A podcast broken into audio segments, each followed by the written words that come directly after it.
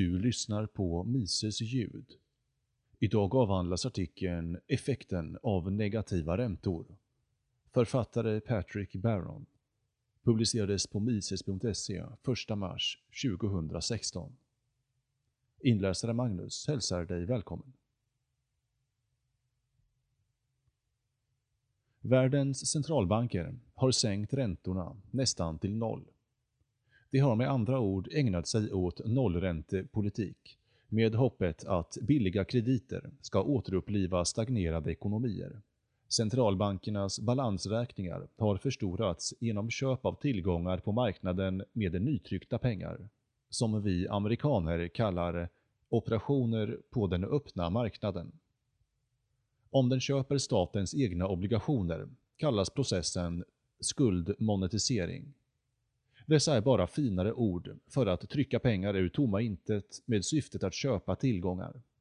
Oavsett om centralbanken köper tillgångar från individer, statsobligationer via banksystemet eller direkt från staten kommer bankernas reserver att öka.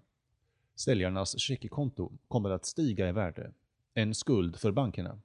Samtidigt kommer bankernas tillgångar i form av reserver hos den amerikanska centralbanken att öka. Keynesianer som stödjer detta förfarande tror att pengar och sänkt ränta kommer att öka bankernas benägenhet att låna ut, samt allmänhetens vilja att låna och spendera. Denna ökning i aggregerad efterfrågan kommer sedan att föra ekonomin framåt. Bevis på detta är när inflationen ökar svagt, prisökningar och en ständig reducering av bankernas överskottsreserver. När banker lånar ut ökar bankernas inlåning på balansräkningens skuldsida, vilket i sin tur minskar reserverna i förhållande till inlåningen och därmed minskar överskottsreserverna. Den totala mängden reserver förblir dock densamma. Trots nollräntepolitik och flera omgångar kvantitativa lättnader, där centralbanken köper stora mängder tillgångar på marknaden medan den håller räntorna nära noll, stagnerar fortfarande världens ekonomier. Den enda effekten verkar vara att både offentliga och privata skulder ökat. Därmed är nästa steg för keynesianska ekonomer som styr centralbankerna världen över att övergå till negativa räntor. Detta kan göras enkelt genom att centralbanken debiterar medlemsbankerna för sina överskottsreserver, även om samma sak kan uppnås genom andra metoder, som exempelvis manipulering av marknaden för omvända repor. Kom ihåg att det var centralbanken själv som skapade dessa överskottsreserver ur tomma intet. Reserverna landade sedan på bankernas reservkonton hos centralbanken när de som sålt tillgångarna till centralbanken satt in pengarna på sin lokala bank. Nu har bankerna skulder som backas upp av tillgångar som minskar i värde. Det vill säga bankerna är fortfarande skyldiga sina kunder den summa de har satt in på sina checkkonton. Men centralbanken tar en avgift på reserverna som backar upp inlåningen. I praktiken blir bankerna utpressade av centralbankerna att låna ut mer eller förlora pengar. De har inget val. Om de inte kan hitta lämpligare låntagare måste de börja debitera kunder för privilegiet att ha pengarna på sina checkkonton. Alternativt likt vissa europeiska banker, kan bankerna försöka höja räntan på befintlig utlåning för att täcka den ökade kostnaden. I europeiska länder där nollräntepolitik råder har bankerna hittills endast tagit ut avgifter från stora kontohavare.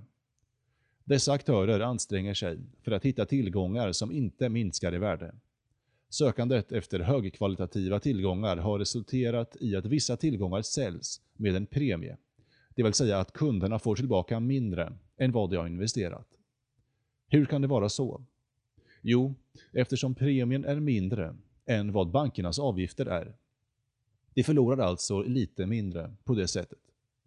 Detta löser dock inte problemet. Det innebär endast att överskottsreserverna flyttas någon annanstans och därmed skapar samma problem som för bankerna. När reserverna väl har skapats av centralbanken kan de endast förstöras genom att centralbanken själv gör omvända operationer på den öppna marknaden, det vill säga börja sälja tillgångar, vilket leder till att reserverna flödar tillbaka till centralbanken. Men detta är inte vad centralbanken vill. De vill tvinga bankerna att öka utlåningen för att undvika kostnaden för överskottsreserverna.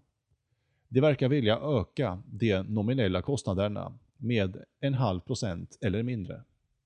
Om centralbanken kan debitera en halv procent kan de debitera hur mycket de vill och givet det keynesianska tankesättet som ledde till galenskaper som negativa räntor kommer de förmodligen att göra det.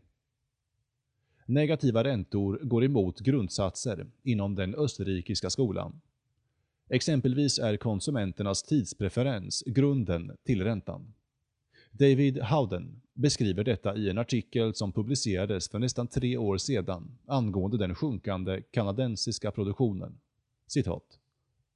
Tid är en nödvändig faktor för att producera. Den är unik i den mening att vi inte kan allokera den ekonomiskt som andra faktorer. Val av tid är alltid förr eller senare och aldrig mer eller mindre, som i fallet med andra produktionsfaktorer. Räntan hjälper oss avgöra hur snart vi bör konsumera en vara eller hur lång en produktionsprocess bör vara. Låga räntor ger en indikation om att framtiden inte diskonteras högt. Du kommer vara villig att vänta en längre tidsperiod till en låg ränta innan du får utdelning i form av konsumtion eller vinst på en investering. Hög ränta indikerar istället motsatsen. Du vill konsumera tidigare eller ägna dig åt produktionsprocesser som ger utdelning på så kort tid som möjligt. Slutcitat. Dr. Howden går längre än så för att visa på hur centralbankens produktion av pengar ur tomma intet med syftet att trycka ned räntorna orsakar obalanser mellan låntagare, investerare och sparare. Räntans huvudsakliga uppgift i en fri ekonomi är just att skapa balans mellan dessa grupper. Obalanser i tidsstrukturen, framförallt eh, överinvesteringar i långsiktiga projekt och den oundvikliga hög-lågkonjunkturscykeln resulterar från det faktum att resurser inte har sparats på riktigt. Först går företagen i konkurs, därefter bankerna, därefter befolkningen som helhet. Men kan inte centralbanken bara trycka mer helikopterpengar för att rädda alla? Dessvärre inte. Mer pengar kan inte bota vad mer pengar orsakat, det vill säga högre och högre priser samt minskad produktion. Givetvis kommer en ekonomi som hamnar i obalans genom negativa räntor uppvisa flera konstiga anomalier innan den överhettas, vilket Ludwig von Mises beskriver. Alastair MacLeod från goldgomoney.com menar att en tidig indikation på att förtroendet för en valuta har minskat är kraftigt stigande ädelmetallpriser. Priser stiger fortare och fortare, samtidigt som produktionen kollapsar. Allmänheten förstår att myndigheterna inte har några intentioner att sätta stopp för minusräntepolitiken samt återinföra sunda pengar och banker. Allmänheten kommer att göra allt för att rädda sina besparingar från total förstörelse. De kommer att börja köpa tillgångar som de inte tror kan minska i värde. Detta skapar ett enormt prisuppsving i vissa tillgångsklasser, liksom vad Mises kallade ett crack-up boom-scenario. Men kollapsen kommer efter boomen. Synden är att det är fallande priser som eventuellt skapar rätt förhållanden för att ekonomi ska kunna återupplivas. Deflation är inte den dödsspiral som keynesianer tror. Allmänhetens efterfrågan på pengar kommer att tillfredsställas när deras penningreserver är tillräckliga i relation till prisnivån. När de har återfått förtroendet för framtiden och är villiga att investera långsiktigt. Det har både varit onödigt och skadligt att trycka ner räntan. Likväl bör du förvänta dig att flera centralbanker följer. Schweiz, Sverige, Danmark och vid vissa tillfällen den europeiska centralbanken själv med negativa räntor. Den skriande skammen är att det inte kommer att fungera och att det kommer att orsaka skador för hundratals miljoner människor. Det skulle även kunna orsaka den västerländska civilisationens kollaps.